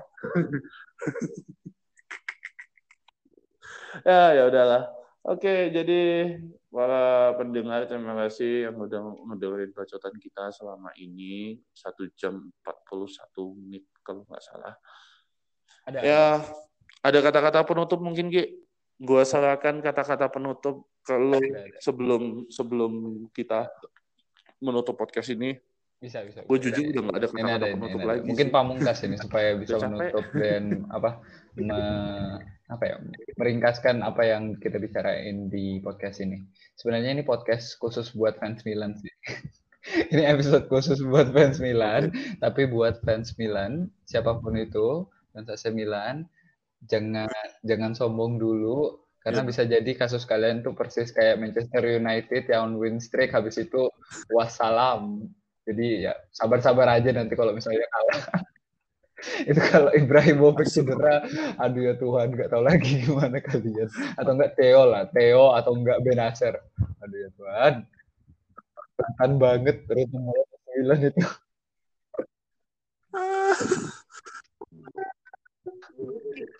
jelekit anjir jelekit tau gak jelekit kata-kata lu tapi gue suka nah itu gue harus akuin kata-kata lu tadi nyelekit tapi ya gue suka oke itu aja kata-katanya kesimpulan podcast hari ini yang sudah disampaikan dengan sangat epik oleh Mas Togi dan ini menandakan bahwa ini adalah akhir podcast kita akhir episode 4 Terima kasih yang udah dengerin sejauh ini. Sekali lagi, sampai ketemu di episode-episode selanjutnya. Jangan lupa tonton episode-episode kita yang sebelumnya. Episode 1, How We Met Football. Episode 2, Serba Serbi IPL. Dan episode 3, FM 101. Oke, terima kasih Terima sudah kasih, semuanya. Terima kasih sekali lagi, Togi. Selamat beristirahat. Di sana udah jam, Oh di iya sana udah jam setengah 12 malam. Aduh, gila. Iya kan. Iya kan. Ya udah, ya udah silakan istirahat. Selamat beraktivitas. Semoga besok bisa beraktivitas dengan baik. Semuanya juga pendengar, selamat beristirahat sambil mendengarkan ini.